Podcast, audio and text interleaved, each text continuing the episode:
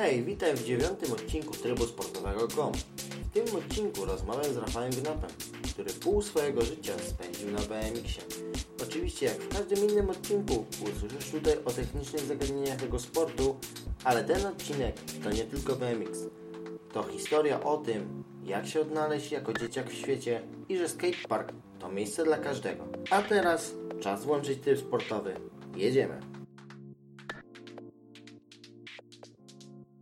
Hej, witajcie w następnym odcinku Trybu Sportowego.com. Dzisiaj jest ze mną Rafał Gnap, człowiek, który jeździ na BMX-ie 10 lat, trikuje, lata po schodach, po rampach, po rurkach na mieście. Rafał, opowiedz swoją historię z BMX-em, jakieś i kiedy się ona zaczęła? Y, W takim razie Rafał Glab, urodzony w Policach obok Szczecina, lat 24, skończyłem niedawno. Y, Obecnie mieszkam w Anglii od 7 lat, dokładnie Leeds. Przygoda z rowerem zaczęła się, gdy miałem 6 lat. Dostałem pierwszego BMX-a na urodziny. Pamiętam jak dziś był żółto-czarny. Zacząłem nim jeździć po prostu jako dzieciak. Wokół bloku, potem coraz dalej, coraz dalej. Babcia szła do pracy, dziadek w pracy. Y, Zostawałem sam, więc szedłem na rower. Ktoś tam donosił babci, że jestem gdzieś na drugim stronie miasta, a mając 6-7 lat wszystko ogarniałem i tak jakoś rower mi się za, od, od zawsze przyjął od dzieciaka. Jak w wieku 11 lat dostałem dyskorolkę i zacząłem wychodzić na skatepark, ale zawsze mnie jakoś pociągał rower. Oglądałem sobie Extreme Sports, różne programy i jak leciał rower, to zawsze mnie brnęło z powrotem do roweru. Ale jednak było poczucie, że skatepark to jest dobre miejsce, żeby się zatrzymać i coś w tym kierunku potem zrobić. Ale co, miałeś jakichś takich idoli jak Dave Mira na przykład? Ym, Z tego co pamiętam był Scotty Cranmer, ale pamiętam go tylko z czasów jakoś mniej więcej 2008, może jak jeszcze og- oglądałem Extreme Sports, jeździłem na desce i czekałem tylko, żeby dorwać jakiś stary rower, y, jakąś kozę powiedzmy, y, żeby sobie dorwać i pojeździć po chopkach, y, czy w jakiś tam poskakać z czegokolwiek, nawet z krawężników, jak można było. Dopóki się rower nie posypał, to jeździliśmy. Okej. Kiedy miałeś swój pierwszy rower dokładnie? Pierwszy porządny BMX, tak, no porządny jakby to powiedzieć, BMX, BMX dostałem y, w 2008 roku i dokładnie chyba 10 lipca i wtedy właśnie zaczęła się przygoda już na poważnie z rowerem. I wtedy po prostu pojechałeś pierwszy dzień na skatepark, zobaczyć co potrafisz. Złożyłem wtedy już taki porządny, porządniejszy rower, a, aniżeli miałem mając kozę i dało się już na nim coś naprawdę trochę pokwinić i nawet pojeździć, więc już zaczęła się przygoda na poważnie, już jeździłem nie z myślą, że ten rower się posypie za tydzień i znowu trzeba będzie wracać na deskę, tylko już jeździło się wtedy Okej, użyłeś sformułowania koza. To rozróżniasz, tak? Te dwa rowery. No, tamten, tamten pierwsze BMX-y były starsze, to były z lat 80., może 90., ale to były takie jeszcze, które miały na torpedo z tyłu hamulec i które, no, Aha, czyli jak pedałowałeś do przodu, to jechał do przodu, ale jak pedałowałeś do tyłu, to jechał do tyłu, tak? Nie, nie, to po prostu był hamulec wtedy. Aha, okej. A właśnie ważne jest to, żeby móc jechać do tyłu, tak? Tak, tak. Okej. Bo na przykład z jakiegoś gapa, tak? Albo z rampy chcesz się cofnąć, rozumiem. Jest, jest takie coś, jest taka opcja. Praktycznie jedna czwarta je- jazdy na BMX-ie jest jeżdżenie tyłem, więc trzeba to jakoś ogarnąć. I przyda... są dwa typy w tym momencie w BMX-ie. Y, Jeden rodzaj tego jest, że gdy jedziesz do tyłu, musisz pedałować do tyłu Tak, okej. sam z siebie, bo inaczej się zatrzymasz. A drugi rodzaj jest taki, że pedały ci po prostu stoją w miejscu i możesz swobodnie jechać. Czyli z górki na przykład. Tak. Okej, okej. A Dlaczego BMX, a nie deska? Albo rolki? Myślę, że to jakieś po prostu preferencje wedle człowieka, wedle każdego, każdy ma swoje upodobania. Ja jeździłem na desce, ciężko mi się było nauczyć trików. No, pamiętam, że um- umiałem oli, umiałem rock'n'rolla i, i może jakieś tam czasem... Rock and roll to był jaki trik? Rock'n'roll się robiło na rampie, kiedy zahaczałeś. Tailem, tak? O, o kant rampy, okej, kumam. Dobra, to to znam. Ja nie potrafiłem nawet Oli zrobić. Próbowałem kiedyś na desce się tego nauczyć i totalnie nie wychodziło to tak, żeby podnieść jedną nogę przeciągnąć, bo to od nosa, tak? Ciągło się nogę do, przednią do taila. Nie. Ja naciskałeś na Od taila tail. do nosa, Tak. a drugą naciskałeś w tail, tak? I to miało skoczyć. Tak, tak. Naciskasz taila, a drugą właśnie pociągasz ku, no, ku Nie, to właśnie- absolutnie nie wychodziło. Trzeba było, trzeba było zgrać wtedy dobrze nogi, trzeba było mieć to opanowane i to właśnie nie było dla mnie absolutnie. Niektórzy mogli to zrobić, niektórzy szybko się uczyli, codziennie wręcz jakiś nowy trik, a mi to przychodziło z strasznym trudem. No, ale jeździłem na desce już 3 lata, umiałem dwa triki, ale satysfakcja wciąż była nie do opisania. Okej. W sumie u mnie była podobna historia, ale. bo chwilę jeździłem, ale na rolkach. Ja wybrałem rolki z łatwego powodu, bo one się po prostu trzymają nóg. Jak skaczesz, to po prostu lecą z tobą. Nie odlatują jak deska albo nie wbijają się kierownicą w twój brzuch jak BMX.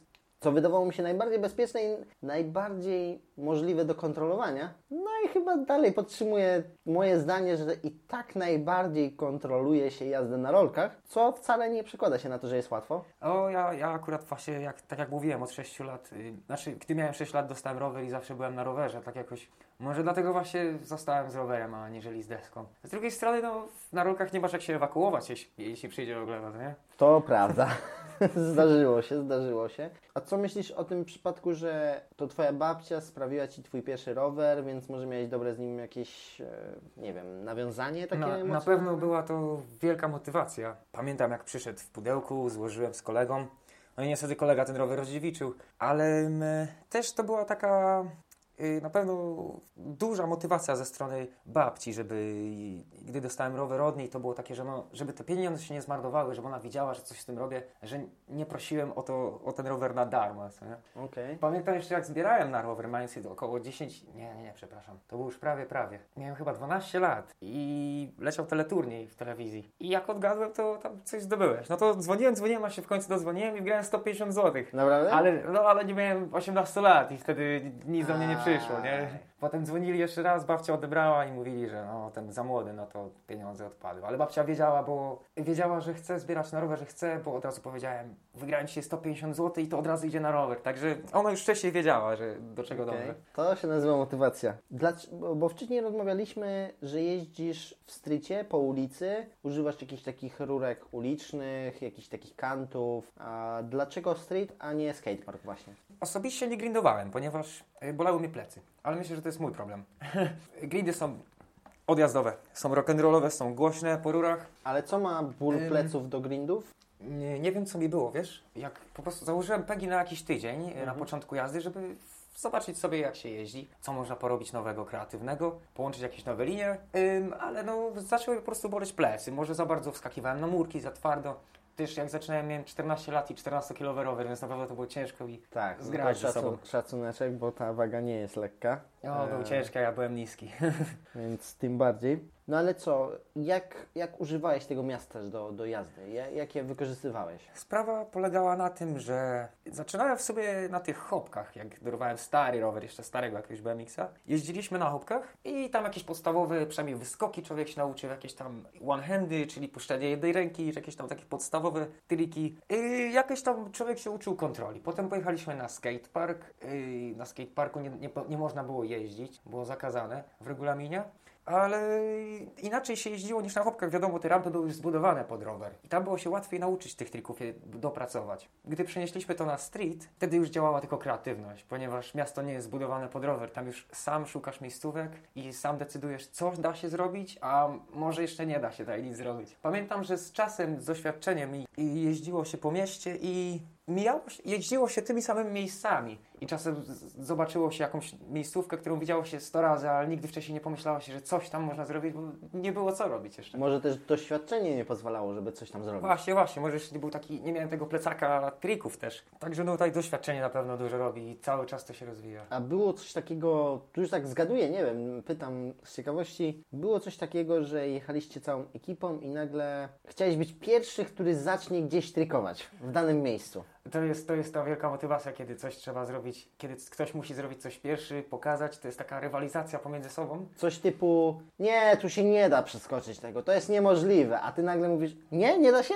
patrz. Da się, no i tak się właśnie, tak, tak, tak robił się właśnie postęp. Tak się, tak się człowiek uczył i tak się stawał lepszy w ten właśnie sposób. Jeździło się po miejscówkach, yy, zdarzało się, że też graliśmy na przykład w bike albo w BMX. Gra polega na tym, że gramy kamień, papier, nożyce. Kto wygra, ten zaczyna. I e, no, po kolei robiliśmy triki i reszta musi to powtórzyć. Coś jak gra w skate'a na Dokładnie te desce same albo na zasady. rolkach, tak. Te Czyli, same że zasady. pierwszy pokazuje tryk, drugi, trzeci i następny musi po nim zrobić ten sam tryk. Jeśli nie zrobił, zdobywa literkę i ten, który zdobędzie wszystkie literki, przegrywa. Przegrywa, odpada, tak, dokładnie. Okej. Ale to, jest, to była na pewno też motywacja, żeby uczyć się dalej i rywalizować i na pewno to była wielka, wielka zabawa. No tak, bo dzięki temu próbujesz coś, czego nie robiłeś wcześniej. Przełamujesz trochę bariery. Miałem to samo na rolkach, jak e, graliśmy w tą grę. I jak ja zawsze naparzałem Backside Unity, tak e, tutaj musiałem zrobić totalnie inny trik, którego nigdy nie robiłem. I czy wyszło, czy nie wyszło, no to już inna kwestia, ale się próbowało. Próbowało się, dokładnie. Zwłaszcza, że każdy rider, może, można tutaj y, nawiązać do każdego innego sportu, myślę, każdy ma swoją personę, każdy to jakoś z siebie wyrzuca i każdy ma też swój styl, koniec końców. Więc nawet jeśli robiliśmy jakieś 180, to każdy miał swój styl zrobienia tej 100 180 i przez jakąś szczególną przeszkodę czasem ciężko było to zrobić, ponieważ to już trzeba było dobrze umieć zrobić tą 180. Dlatego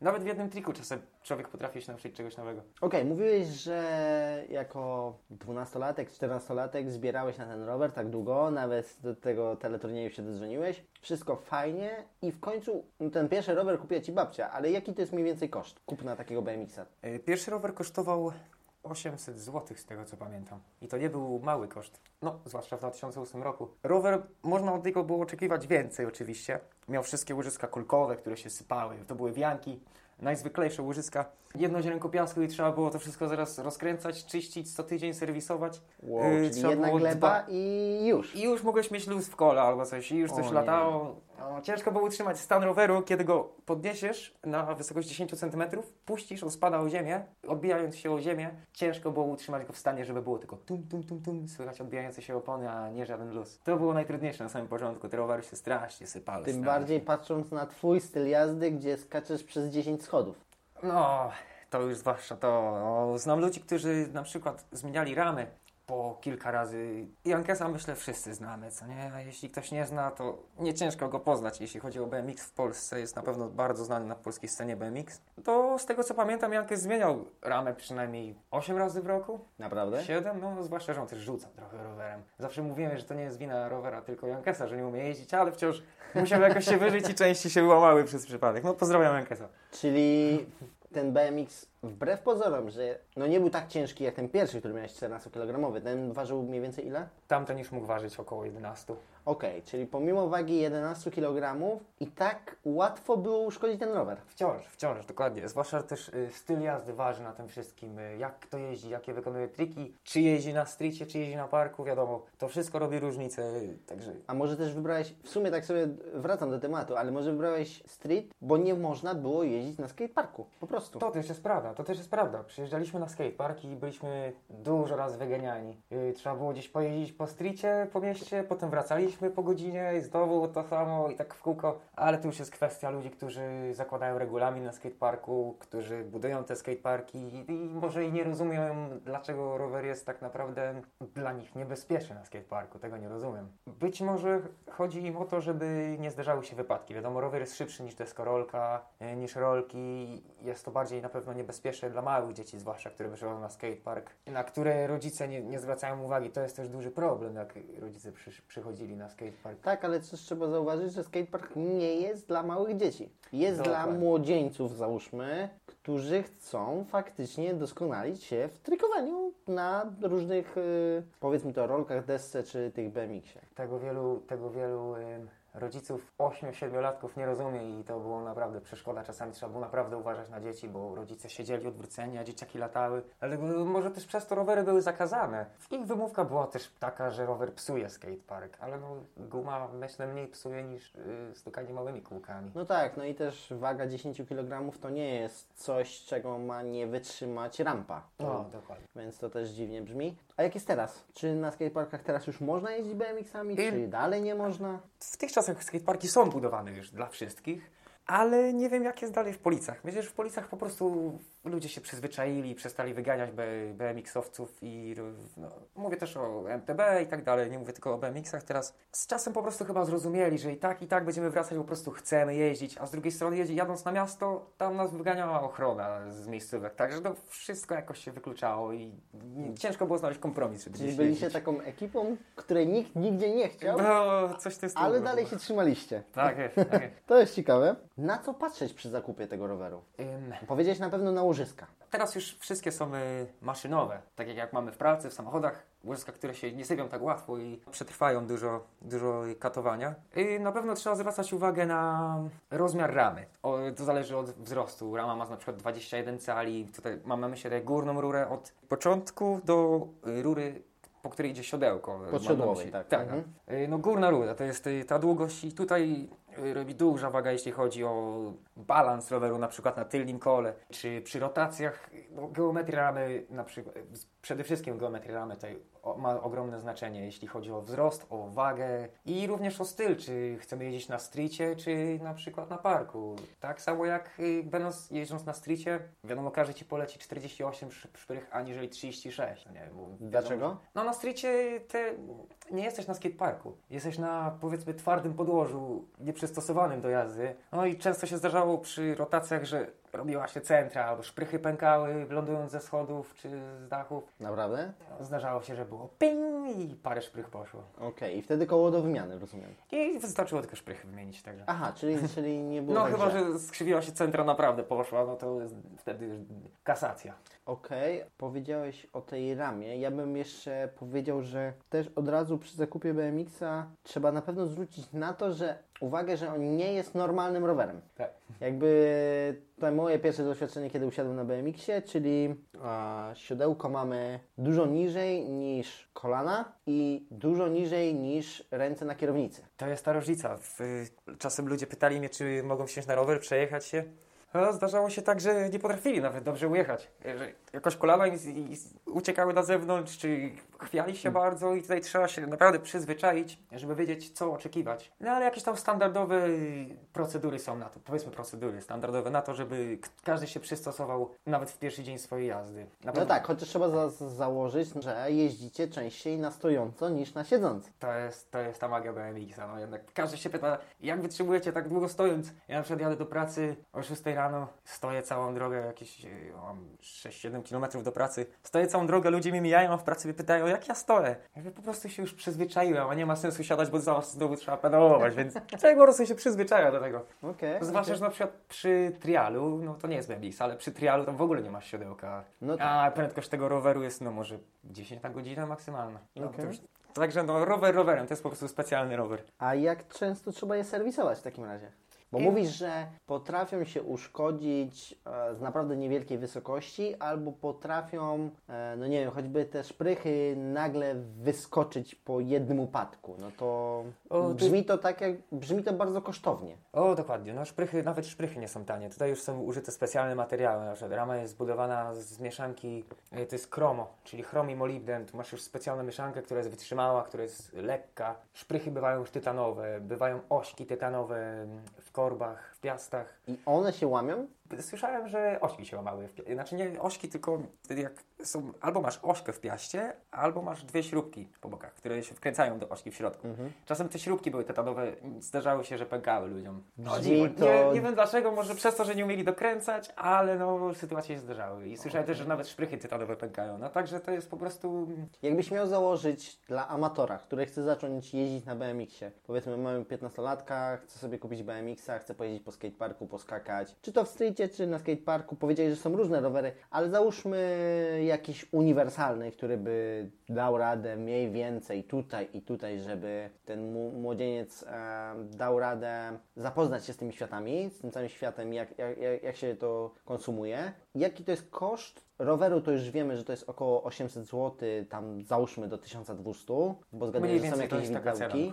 I jaki jest koszt roczny? Zależy też y, jak często jeździmy. Ja parę lat temu zdarzało się, że jeździłem 4 razy w tygodniu, 5 razy w tygodniu. Byłem prawie że codziennie na rowerze. No i to robiło różnicę. Zwłaszcza, że też zależy, czy człowiek dba o ten rower, czy go czyści, czy go smaruje, y, czy sprawdza, czy nic nie pęka, czy wymienia wszystko na czas, y, żeby potem nie sypało się więcej rzeczy.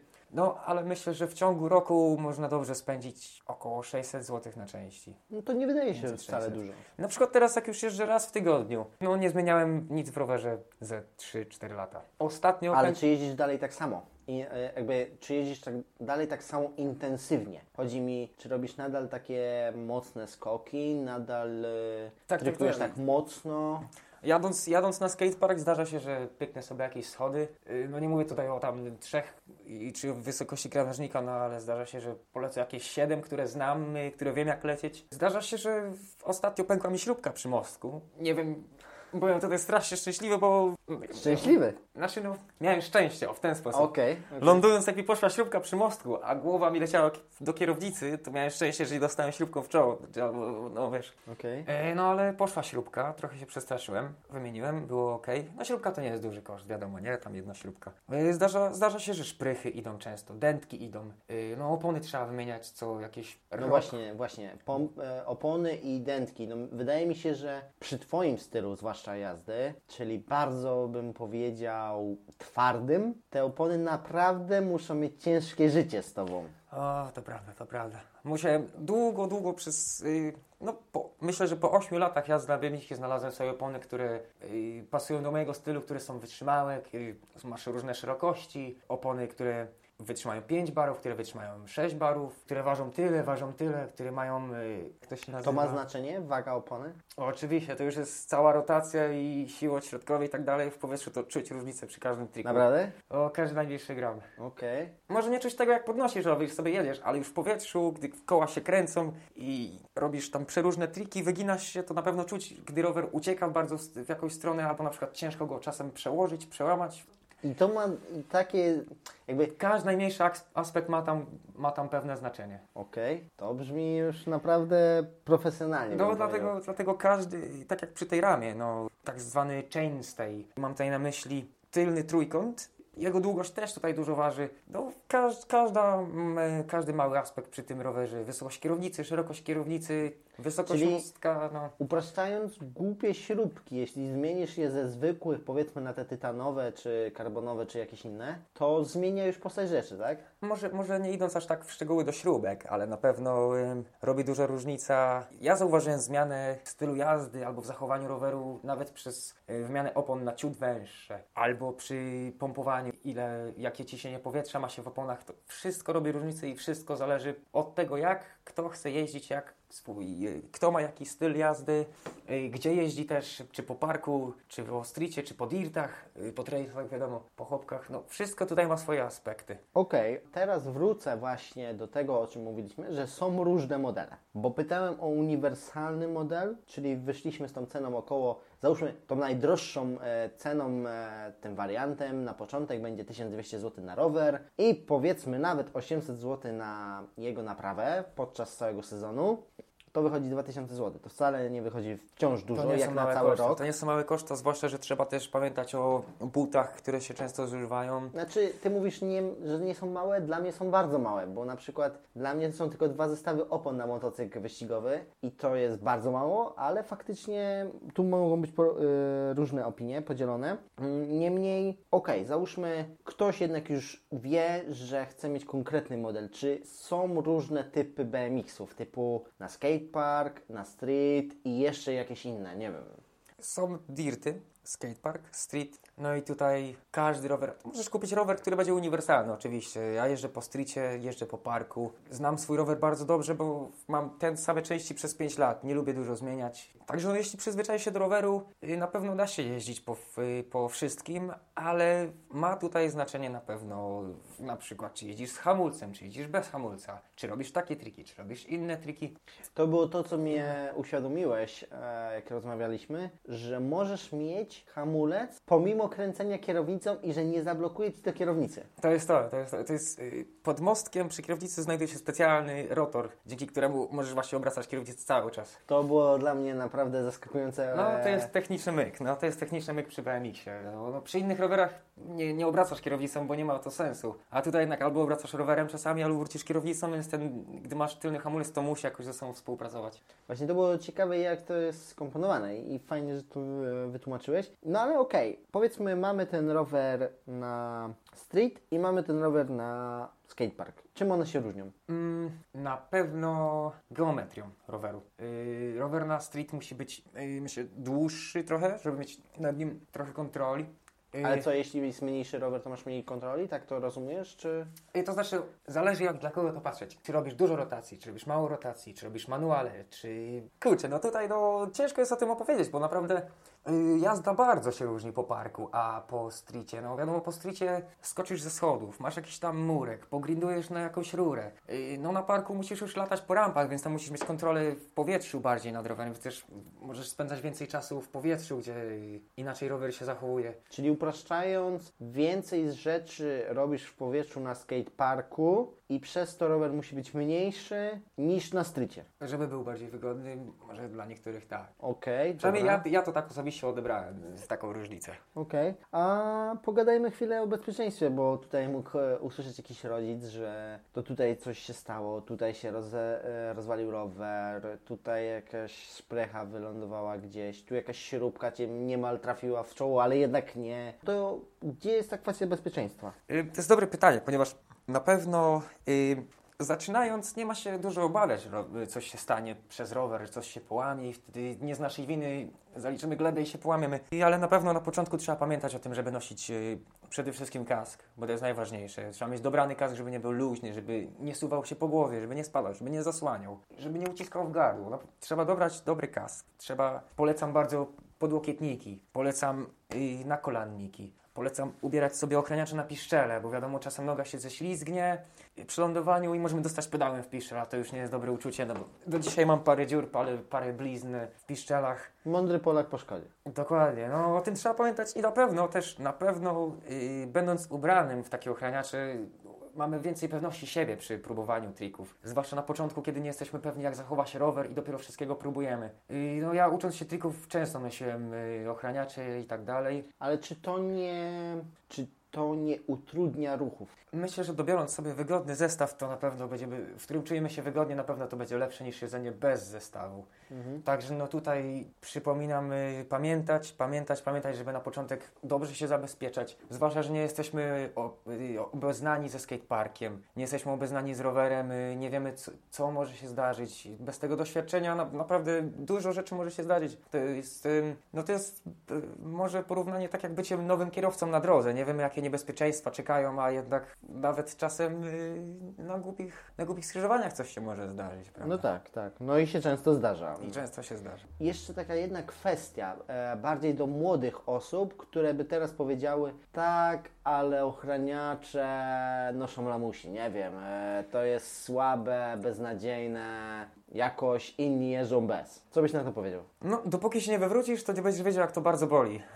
Okej. I ja wywróciłem, najgorsza moja gleba była z 30 schodów w 2011. 30 schodów. No, no, ogółem było 24, ale licząc 3 sety, można powiedzieć, że ogółem było ich 30, były też dosyć długie i tak dalej. No, Wow. no i to była, to była gruba gleba. Jaka to tam. była odległość i wysokość? Ciężko mi teraz powiedzieć, jeśli chodzi o wysokość i odległość na pewno. Tak Myślę, że z Na czasem oko. też na oko, no powiedzmy wysokość, ile mamy tutaj w suficie? Z 3? z 3, 3,5. No to było trochę więcej, tak. Czyli z, O, mówimy... o połowie więcej, bo może były te schody. Wow, czyli jakieś 5-6 metrów. Do z 5 metrów można powiedzieć, ale no te 4, dajmy 4, nie przesadzajmy tego. 4, 4 metry wysokość, ale były dosyć długie i zwłaszcza, że miałem wtedy niskie przełożenie, gdzie szybko pedałowałem, a nie jechałem wcale tak szybko. I na pewno tego mi zabrakło. Trzy razy te schody zlądowałem i za czwartym razem chciałem polecieć już całe je na płaskie. I mam nadzieję, mam tutaj na myśli, trzy razy wylądowałem te schody y, w ostatni, czyli trzeci set tych schodów. Wylądowałem w ostatnie To znaczy, 8, że... powiedzmy, Był... w ostatnie 8 schodów. Czyli, że jeszcze było więcej schodów, tak? Do przeskoczenia. Było takie 8, potem trochę chodnika, 8, trochę chodnika, Aha, 8. okej, okej.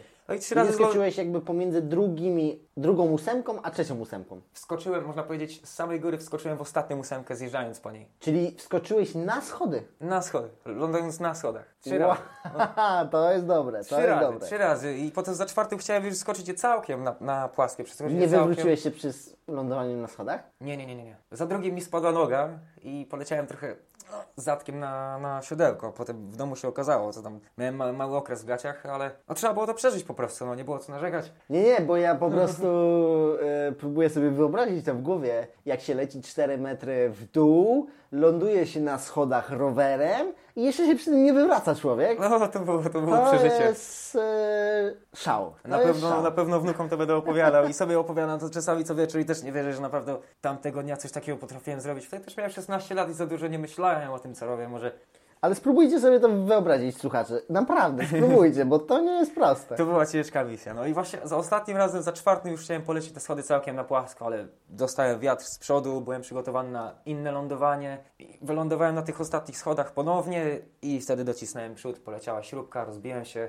Czyli po, właśnie, tamtej i tu jest- sytuacji, po tamtej sytuacji przez długi, długi czas nosiłem rękawiczki. Nawet jeśli ręce mi się zagoiły, nosiłem rękawiczki po prostu do jakiegoś lata. Miałem zawsze spocone ręce i tak dalej, ale nie mogłem się przełamać, żeby wsiąść na rower bez rękawiczek. Po prostu miałem, Jasne. miałem ten strach. Także no mówię, cokolwiek nie robicie, pamiętajcie na, na pewno pierwsze co o bezpieczeństwie. Wiadomo, żeby było lżej, gdybyś wszystkie te ochraniacze miał. w tamtym Dokładnie. momencie. dokładnie. W tamtym momencie miałem tylko na piszczele i akurat na piszczele nic mi się nie stało. Miałem też ogrom szczęścia, że nie trafiłem do szpitala, że nic mi się nie stało. Mogłem tak naprawdę umrzeć, biorąc pod uwagę, że ludzie umierają przewracając się i uderzając głową w krawężnik. Ja akurat wylądowałem, ponieważ spadła mi najpierw kierownica. Uderzyłem najpierw palcami, najpierw palcami o ziemię, potem jakoś się przeturlałem przez ramię. Miałem trochę zarysowane ramię. No i wiadomo, No tak, byłem- ale już tutaj e, ręce by już nie ucierpiały, łokcie by nie ucierpiały, głowa by nie ucierpiała i tak dalej, więc Dokładnie. Jakby- Akurat w głowie mi się nic nie stało. O tym mówię tutaj ogrom, ogrom, ogrom szczęścia, że nic mi się nie stało w głowę. O, naprawdę mogło to się skończyć źle. czyli od też... tamtego momentu ochraniacze full. Jestem tutaj, mówię to z sytuacji, kiedy przewróciłem się, nic mi się nie stało, ale wiem, co mogło się stać i pamiętajcie o Tak, ta świadomość po prostu. Dokładnie.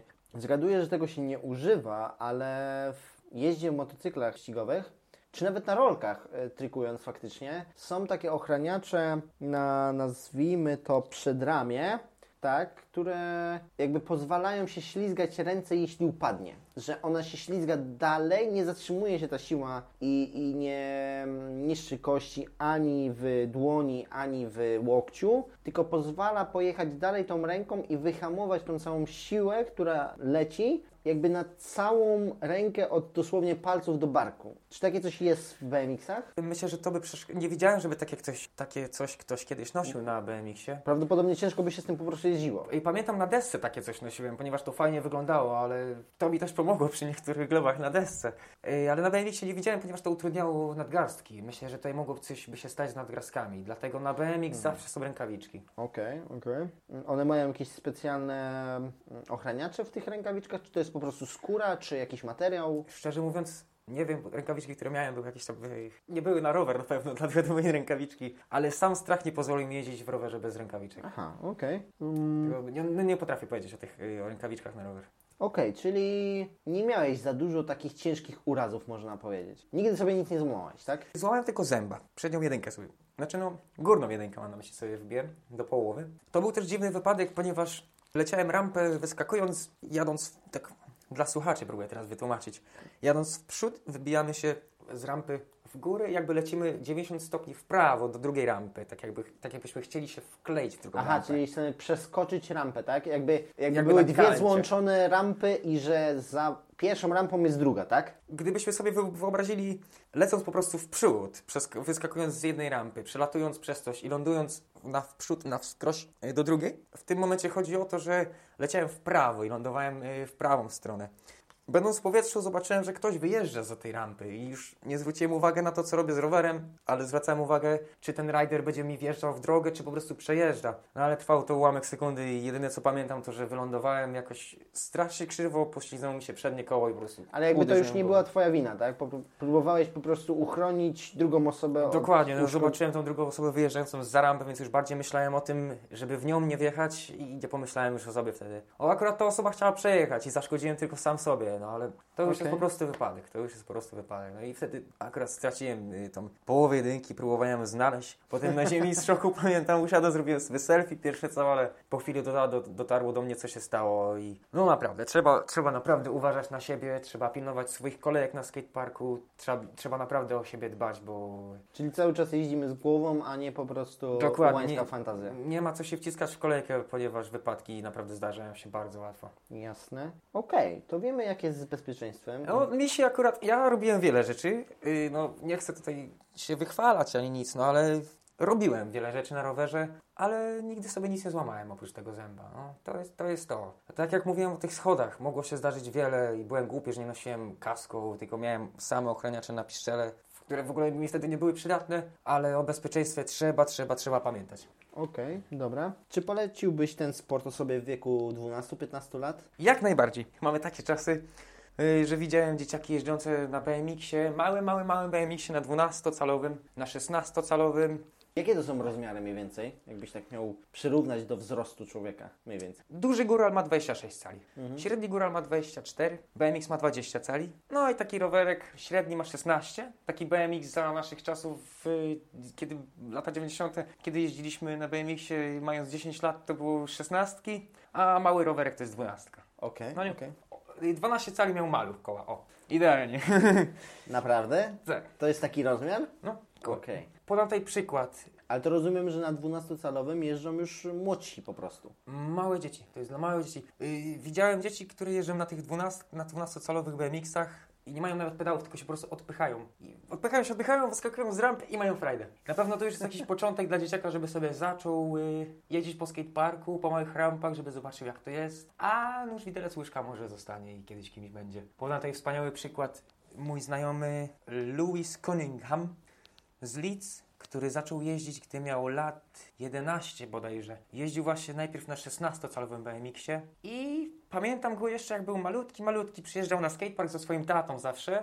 Jest. Tata go zawsze wspiera, zawsze go motywuje, zawsze go nagrywa. Zawsze tata go zabiera na skateparki. Myślę, że dzieciak ma frajdę, frajdę, frajdę życiową. Teraz ma może z 14-15 lat w tym roku i już jeździ na 20-calowym BMX-ie. Ale pamiętam, gdy zaczynał, mając 11-12 lat, widziałem w nim potencjał, bo robił triki, których nikt nie robił. Ten dzieciak wymyślał sobie linie i tak dalej. Ja tam po prostu siedziałem na rampie i byłem wzruszony i wręcz mogę powiedzieć, no łezki nie roniłem, ale byłem, y, byłem zachwycony, jak on sobie radzi i wiedziałem, że do czegoś ten, y, ten człowiek będzie dążył Jeśli dalej z tym pójdzie. jeśli dalej z tym pójdzie, a tata z nim jeździł, zawsze z nim jest, ma motywację. No i dzisiaj jeździ do takich firm znanych na całym świecie jak Animal.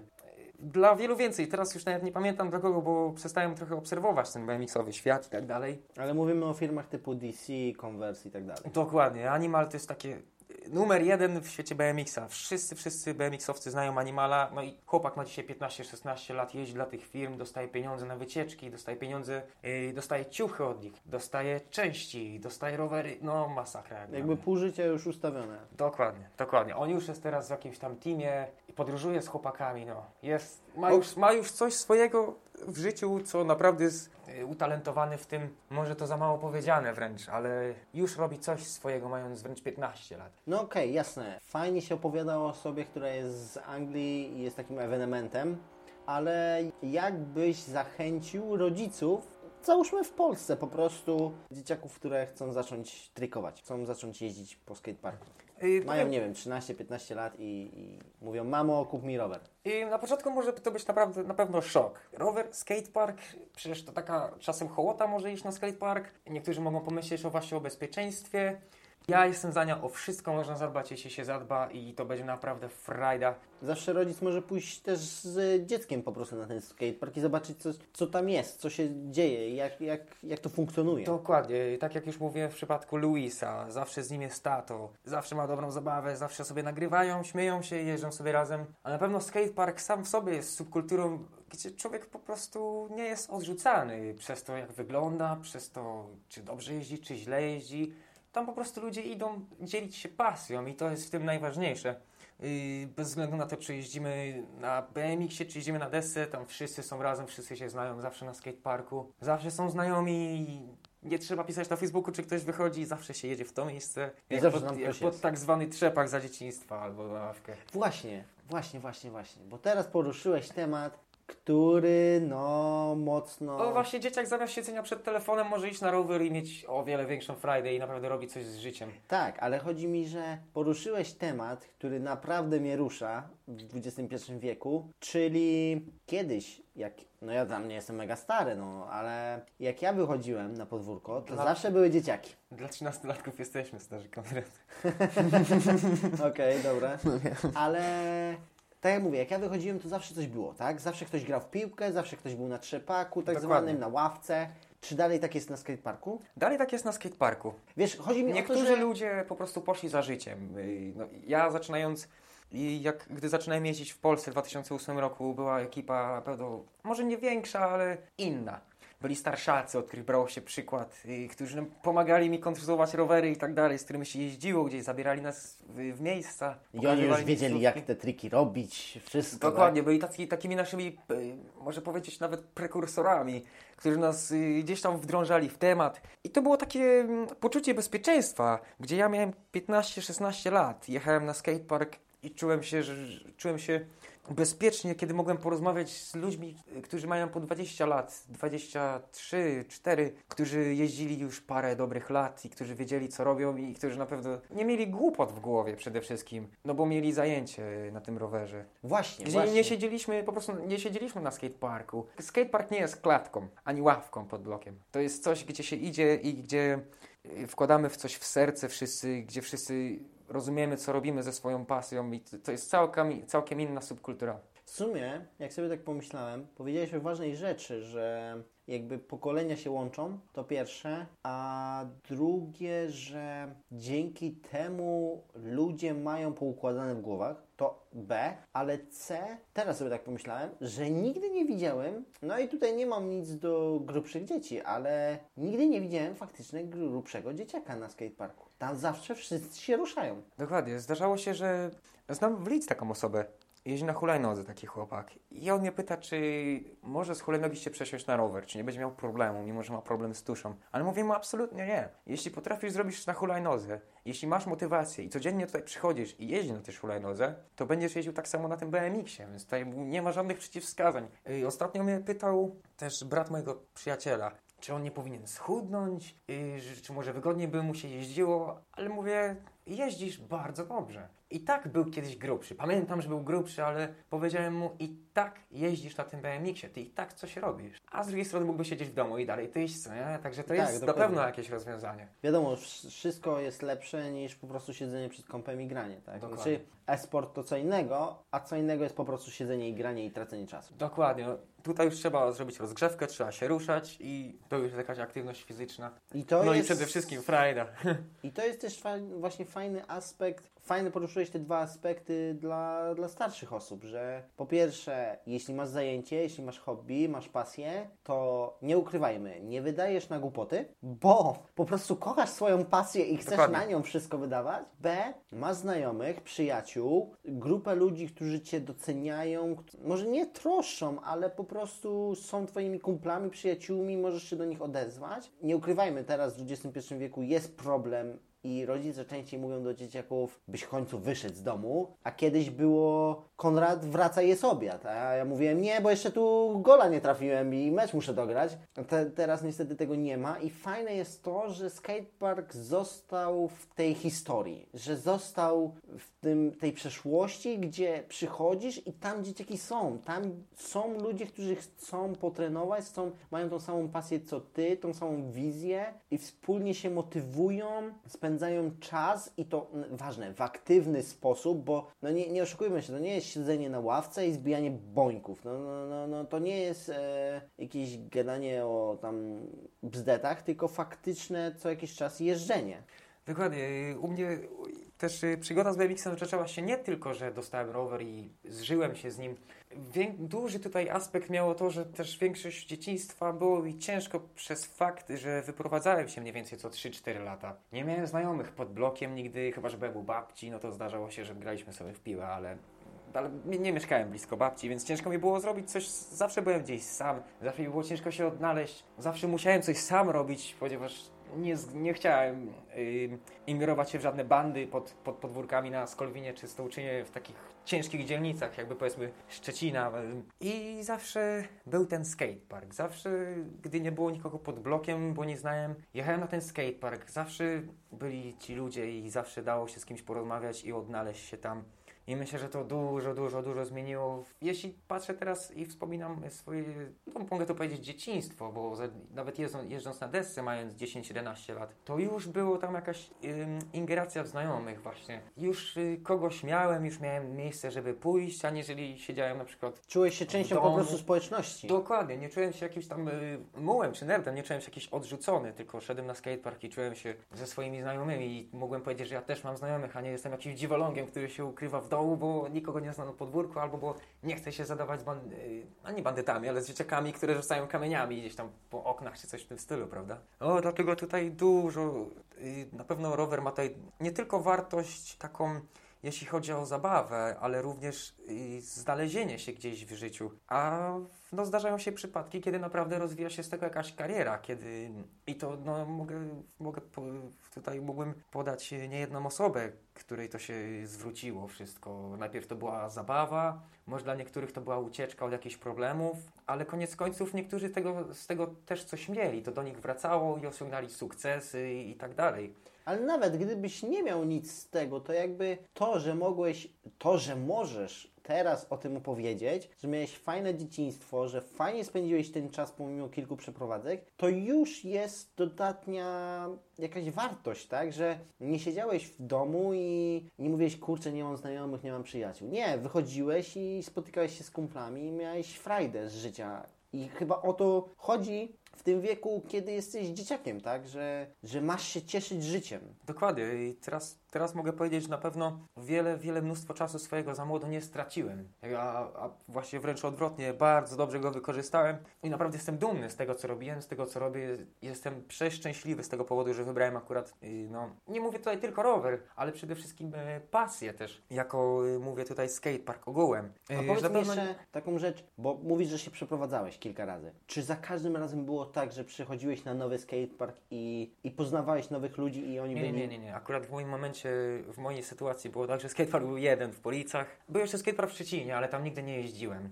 E, może czasami jeździliśmy tak, żeby się oderwać na coś nowego i tak dalej, i zgadać się z chłopakami. No, mieszkając w Polsce też miałem 16-17 lat, dlatego moja mama też mnie strasznie trzymała trochę czasami. Ale były momenty, kiedy się zgadywaliśmy, potrafiliśmy sobie zrobić wycieczkę do Stargardu. To już duża wycieczka jak na 16 lat. O, to już było fajna frajda. No, jechaliśmy sobie pociągiem, parę rowerów w rządku, czuliśmy się jak fajna ekipa. i Piękny czas, no muszę powiedzieć piękne czasy. Kręciliśmy sobie filmy, dzisiaj można je pooglądać. Mnóstwo pięknych wspomnień. Właśnie, to jest coś, czego nie kupisz, nie? Dokładnie, dokładnie. Musisz kupić rower, no ale potem dzieją się piękne rzeczy, jeśli do tego... To jest ta esencja chyba, którą chciałem w całym tym odcinku otrzymać, nie, nie ukrywam, ale powiedziałeś, że niektórym ludziom to się zwróciło tak z nawiązką, jakby. Powiedzmy w takim razie o Twoich największych osiągnięciach. Co było Twoim największym osiągnięciem, albo co uważasz za, za Twoje największe osiągnięcie na rowerze? Największe osiągnięcie. Może powiem tak trochę od początku, y, gdy w 2011 przeprowadziłem się do Anglii. Nie znałem tam nikogo, nigdy nie byłem za granicą. Tak naprawdę wyszedłem z domu i nie wiedziałem, co jest za rogiem mojej ulicy, co jest w lewo, Znowu byłeś w tym prawo. samym punkcie, jakby, Znowu że... byłem w tym samym punkcie, gdzie się przeprowadziłem, ale teraz to już była powaga. To już nie był taki półżart, kiedy mieszkam wciąż w tym samym mieście, tylko zmieniam na przykład ulicę. I tutaj już była zmiana kraju, absolutnie całego klimatu i tak dalej. Musiałem sam jakoś się odnaleźć w tym wszystkim, więc pamiętam, narysowałem sobie mapkę na skatepark najpierw, dojechałem na skatepark, Naprawdę? no tak to się zaczęło, no.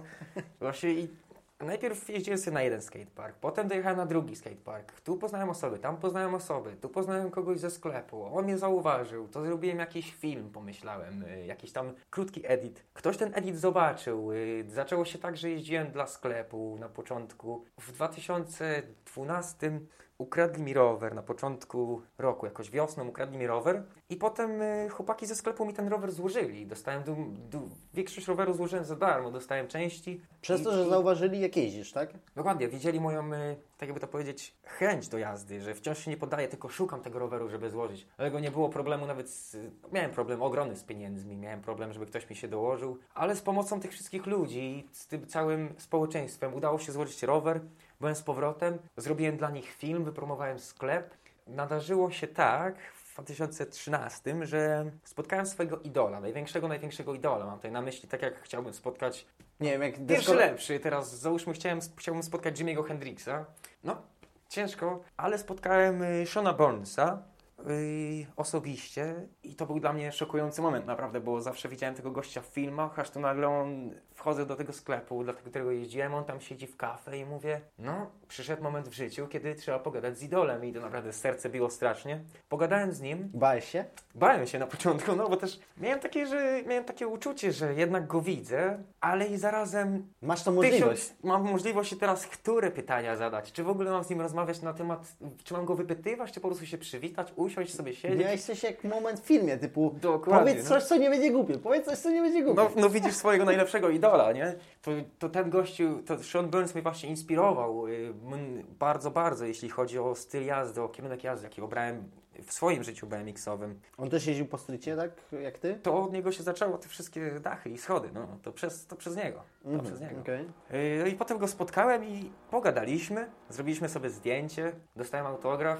Oj, piękny moment, piękny moment, jeden z najpiękniejszych momentów w życiu. Potem on y, wrócił do Stanów y, z całym swoim y, teamem, z całą firmą, drużynem, drużyną, przepraszam, i napisał do mnie, czy nie chciałbym jeździć, ale nie mógł, nie mógł mnie wziąć na oficjalny team, więc jeździłem w takim trochę podoficjalnym teamie UK, gdzie miałem zniżki na części swojej ulubionej firmy, co było dla mnie no, szokujące w, tym, w tamtym momencie. Ale no, czasem jakoś tak po prostu odłożyłem też rower. No, bieg czasu spowodował y, przeciwności losu, może w ten sposób to nazwę. No bo chęć jest dalej jeżdżenia na, na rowerze, ale z przeciwności losu trochę spowodow- spowodowały, zwłaszcza dorastanie, że no jednak trzeba się trochę zagłębić w życie i ten rower gdzieś tam odstawić, ale niekoniecznie tak bardzo. I właśnie zakończyłem jazdę dla sklepu, dla tej firmy, ale byłem, y, no miałem okazję, jeśli, jeśli naprawdę bym chciał, miałem okazję coś w tym wszystkim rozwinąć, ale miałem największą satysfakcję właśnie z tego, że może nie muzycznie kogoś spotkałem, ale spotkałem kogoś osobiście, swojego idola, jeśli chodzi o BMX-owe życie. I to było bardzo wielkie bicie serca. Jeździłem, no, może nie tak jak chciałem, ale wciąż byłem jakoś za, zaangażowany w firmę, która mnie bardzo inspirowała, która była firmą dla mnie no, numer jeden. Miałem na te części zniżki, no przeżycie no nie do opisania tak naprawdę. Znaczy fajne jest to, że pomimo, że byłeś w różnych magazynach, pomimo, że sprzedawałeś swoje filmy, i tak uważasz, że twój najlepszy moment to było poznanie idola. To, Dokładnie. to, jest, to jest ciekawe, że nie chodziło w tej pasji o to, żeby zarabiać hajs, po prostu pieniądze, tak brutalnie mówiąc, tylko chodziło o uczucie, chodziło o emocje, o przeżycia, o, o życie tym sportem. Dokładnie. Koniec końców możemy myśleć, że niektórzy chcą y, jeździć tylko dlatego, żeby dostawać części, ale koniec końców pomyśleć, dostaniesz te części, masz dobry rower, no ale co dalej? Tym rowerem jeździsz, więc tutaj już y, znaczenie ma, mają y, wycieczki na różne skateparki, y, tripy, znajomi, kiedy jeździ się w grupie, gdzieś tam nagrywa się filmy, no spotkanie idola, jeśli ma się okazję, a na pewno myślę, ma się okazję, bo mnóstwo teamów jeździ po całym świecie, nagrywają edyty. To jest niepowtarzalne społeczeństwo, jeśli chodzi o BMX i skateparki, kiedy naprawdę wszyscy ze sobą żyją. Może są ludzie, którzy gwiazdorzą, jak wszędzie wiadomo, ale sam fakt, że można je tak łatwo spotkać i tak łatwo się z nimi zaingerować, jakby można to powiedzieć, pojeździć z nimi i tak dalej. To jest wspaniałe w tym sporcie. Szkoda największa jest w podcaście, że ja nie mogę pokazać oczu mojego rozmówcy. Jak nagle mu się zapalają te oczy tak i, i mu się po prostu tak świecą, jak on opowiada o czymś, co, co po prostu zmieniło jego, może nie światopogląd, ale zapłonęło po prostu jego całe serce i ta pasja po prostu się otworzyła na oścież dosłownie. Ale właśnie przechodząc z tego, z takiego właśnie super, ekstra, hiper przeżycia do jednak realiów, jak wyglądał Twój pierwszy wywiad? Właśnie. Właśnie o to chcę zapytać też, że no jednak przeżycie przeżyciami, ale realia realiami, tak? Realia realiami. Pierwszy wywiad był nie wywiadem, jeśli chodzi o gazetę, to był raport o Szczecinie, kiedy y, robiliśmy raport, raport, no wywiad można powiedzieć, o Szczecinie, o, o rajderach w Szczecinie. Ja tam miałem udział tylko jako zdjęcie, wrzuciłem tylko zdjęcie tam i mam wydrukowane. I nie było tam żadnego pytania w moim kierunku. Za to w 2012 roku strzeliłem fotkę i zostałem zaproszony na wywiad do Ride UK, angielskiej gazety BMX-owej. No i myślę, że to jest mój największy sukces. Wczoraj na tą gazetę sobie spojrzałem, łezkę puściłem, mówię, no piękne czasy, bo już trochę minęło czasu. Myślę, że nie mam większego osiągnięcia niż to. Po prostu otwieram gazetę, widzę swoje imię, nazwisko i wciąż nie dowierzam, że tam jestem i mogę o, sobie przeczytać. No. No nie tylko ty. Y, Czy Ride UK jest taką dużą, dosyć, dosyć dużym magazynem? No Radio UK jest, myślę, no idzie na, na większość Europy.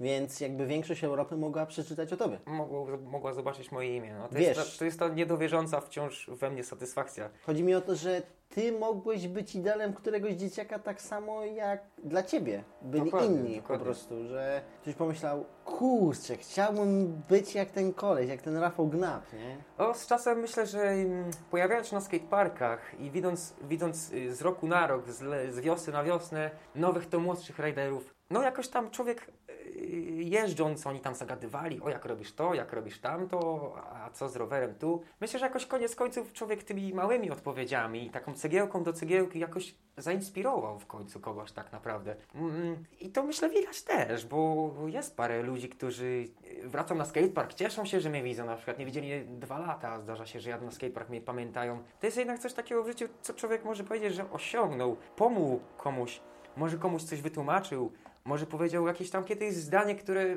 zapomniałem na drugi dzień, a przez to ktoś został na tym skateparku i tam się spełnia dalej ze swoją pasją. Tak, to jest coś jak e, te powiedzenie, że nie wiesz, kto jest najlepszym sportowcem na świecie, kto był najlepszym sportowcem, nie wiem, powiedzmy w 2010 roku, ale wiesz, kto był Twoim najlepszym nauczycielem na przykład w Twoim życiu. I tak samo wiesz, jeśli chodzi o Ciebie, że to był ten koleś, ten Rafał, ten Rafał Gnap, który nauczył mnie jak jeździć albo jak zrobić jakiś trik i dzięki temu pokochałem tego BMX-a, na przykład, no tak można powiedzieć. Można tak, można tak to powiedzieć, można tak to powiedzieć. Ym, no, Czy jazda w Polsce a Anglii się różni? Na pewno wielką rolę grają skateparki. No wiadomo, w Anglii są myślę bardziej rozbudowane, chociaż no Polska w tych czasach naprawdę nie odstaje ze skateparkami. Polska w tych czasach nie odstaje z poziomem. Na pewno robimy tutaj duży postęp, jeśli chodzi o, ja- o scenę BMX-ową w Polsce. Szkoda tylko, że zamknął się magazyn. Yy, Magazyn to znaczy? Bunny Hop, taki był kiedyś magazyn, już go nie robią, Yy, no wszystko przeszło na internet. Niejedne magazyny poupadały, ogółem patrząc na,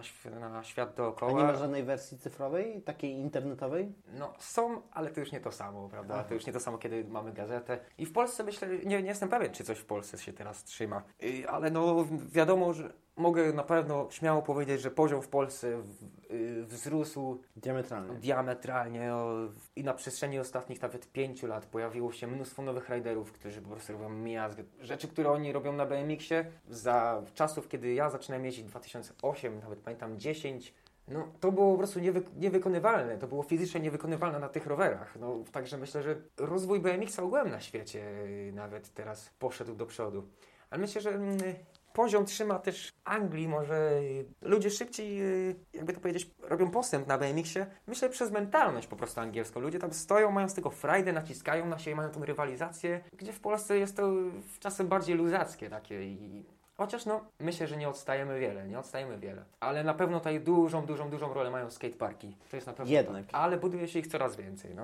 Okej, czyli są budowa to- skateparków ma sens. Ma sens absolutnie, tak. Ym, No, zdarza się, że skatepark jest zbudowany, jakby to Dla powiedzieć... zabawy? Y, Nie w ten sposób. Y, Powiem tutaj na darmo wręcz.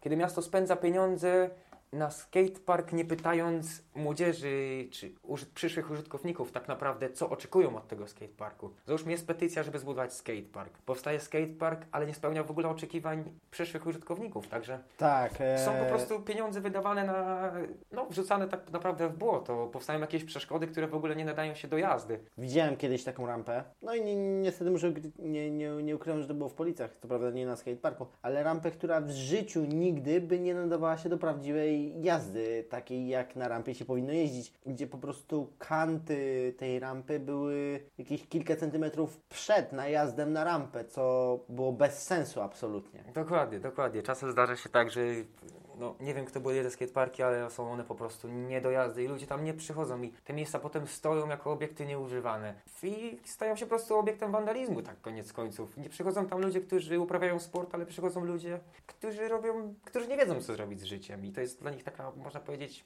speluna, melina, no nie chcę tego źle nazywać, ale... Może no, dlatego jest ten zły PR wokół skateparków po prostu, bo nie są budowane tak, jak powinny być, żeby mogli ludzie je w odpowiedni sposób użytkować.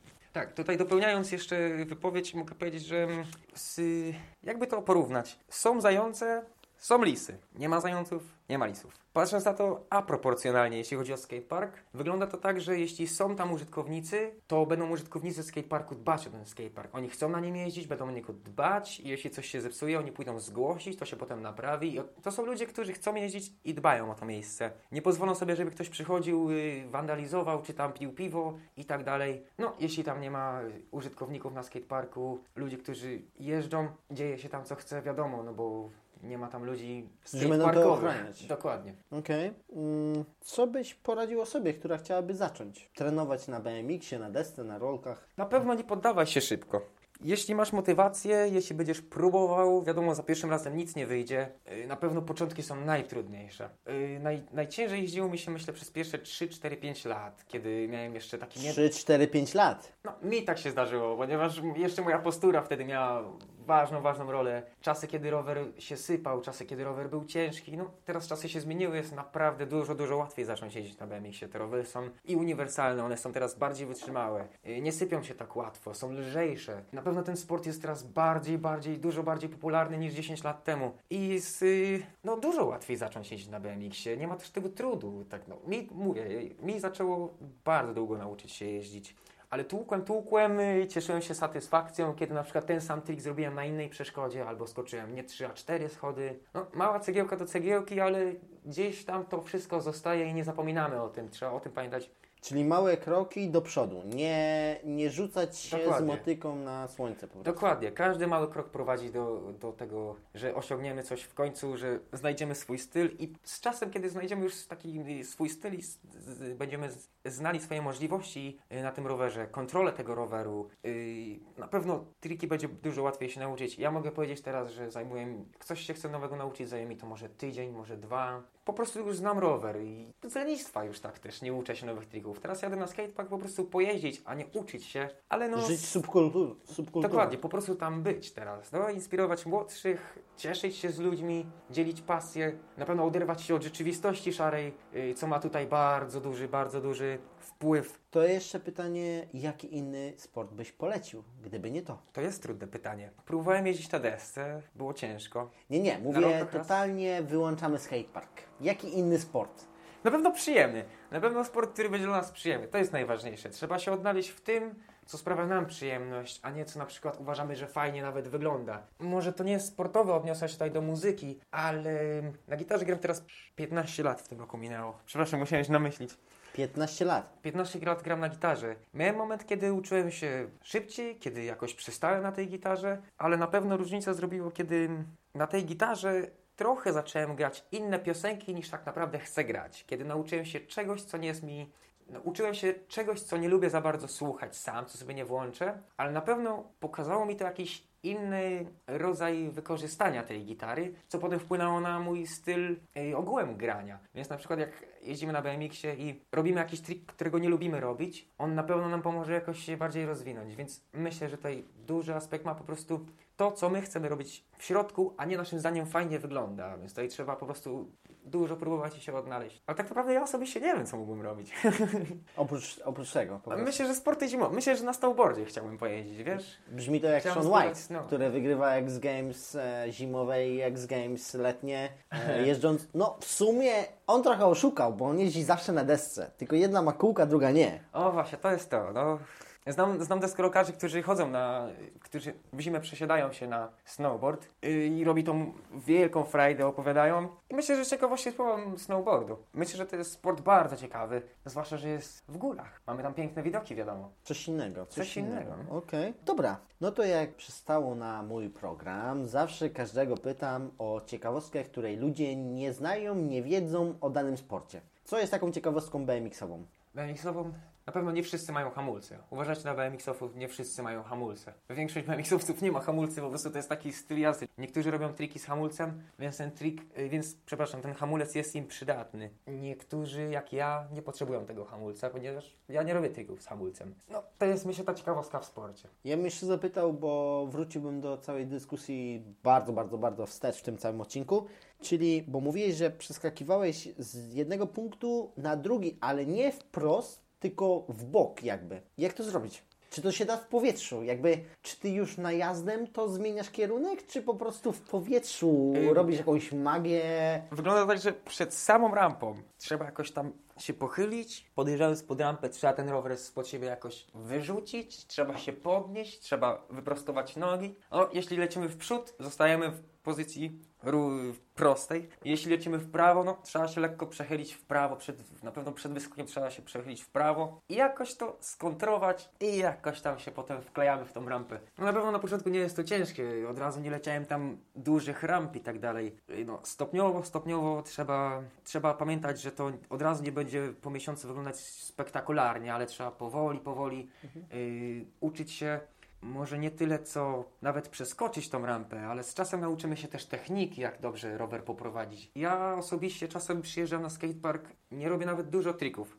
Przyjemność mi sprawia po prostu skakanie przez ten skatepark, latanie po przeszkodach, jakoś tam ten rower obracając bokiem, y, wyginając w powietrzu, niekoniecznie nazywając to trikami, ale po prostu, żeby było przyjemnie i też nie bolało, no, koniec końców. Kumam. To na koniec dwa ostatnie pytania. Pierwsze, dlaczego Twój styl jest takim stylem, nazwijmy to latającym? Czyli skaczesz ze wszystkiego, co możesz i ze wszystkiego, gdzie możesz wylądować. Mój styl jest chyba trochę ciężki.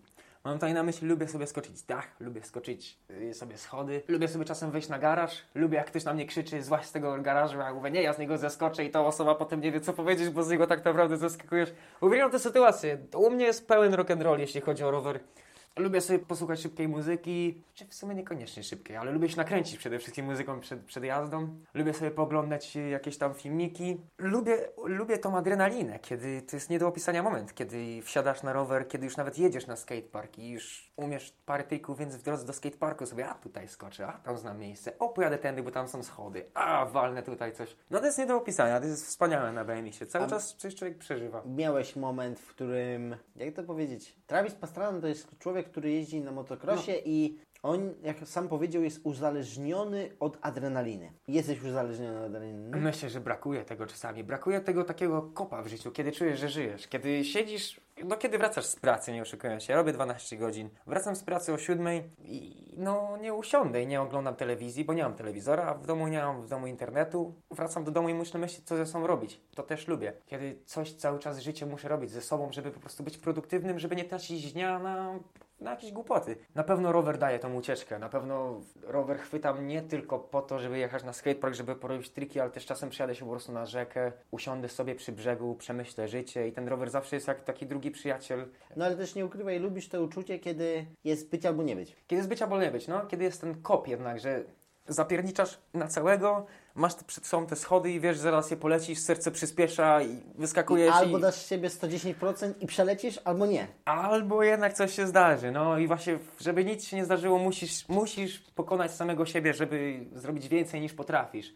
Ale fantastyczny jest ten kop, kiedy po prostu wyskakujesz, patrzysz, czy ci się uda. I to jest takie zatrzymanie w czasie, kiedy wyskakujesz i widzisz lądowanie, wtedy dopiero. I dopiero wtedy zastanawiasz się, czy przelecisz, czy nie, czy masz wystarczającą prędkość. No to jest nie do opisania uczucie. Znaczy fajne jest to, że to uczucie rośnie razem z Tobą, bo u Ciebie to nie jest tak, że zaczęło się od 30 schodów. A, przeskoczę sobie dzisiaj 10 30 schodów. Nie, było tak, przeskoczę 3. Jezu, muszę przeskoczyć 4. Ło, jaka adrenalina. A później, łojeny 5 schodów i tak dalej. I to szło cały czas systematycznie. Jakby to nie jest przeskok, to nie jest szaleństwo, to jest kontrolowanie swoich umiejętności. To jest walka ze swoim umysłem na pewno. Na pewno jest czasem jakaś blokada przed y, wyskokiem też. Zdarzało się, że rozpędzam się, rozpędzam, ale nagle jest takie nie, nie, nie, nie, nie, nie i zwalniałem i muszę jeszcze raz spojrzeć, żeby się upewnić. No jest walka z samym sobą, y, trzeba pokonać swoje słabości. No nie do opisania uczucie, kiedy naprawdę coś zlądujesz i jesteś po prostu zwycięzcą w swoim momencie. Masz swój moment w życiu, kiedy coś wylądujesz i słyszysz dookoła i fajerwerki i oklaski, chociaż nic, nic tak naprawdę się nie dzieje. Ty po prostu możesz się zatrzymać, usiąść w ciszy i siedzieć dalej, ale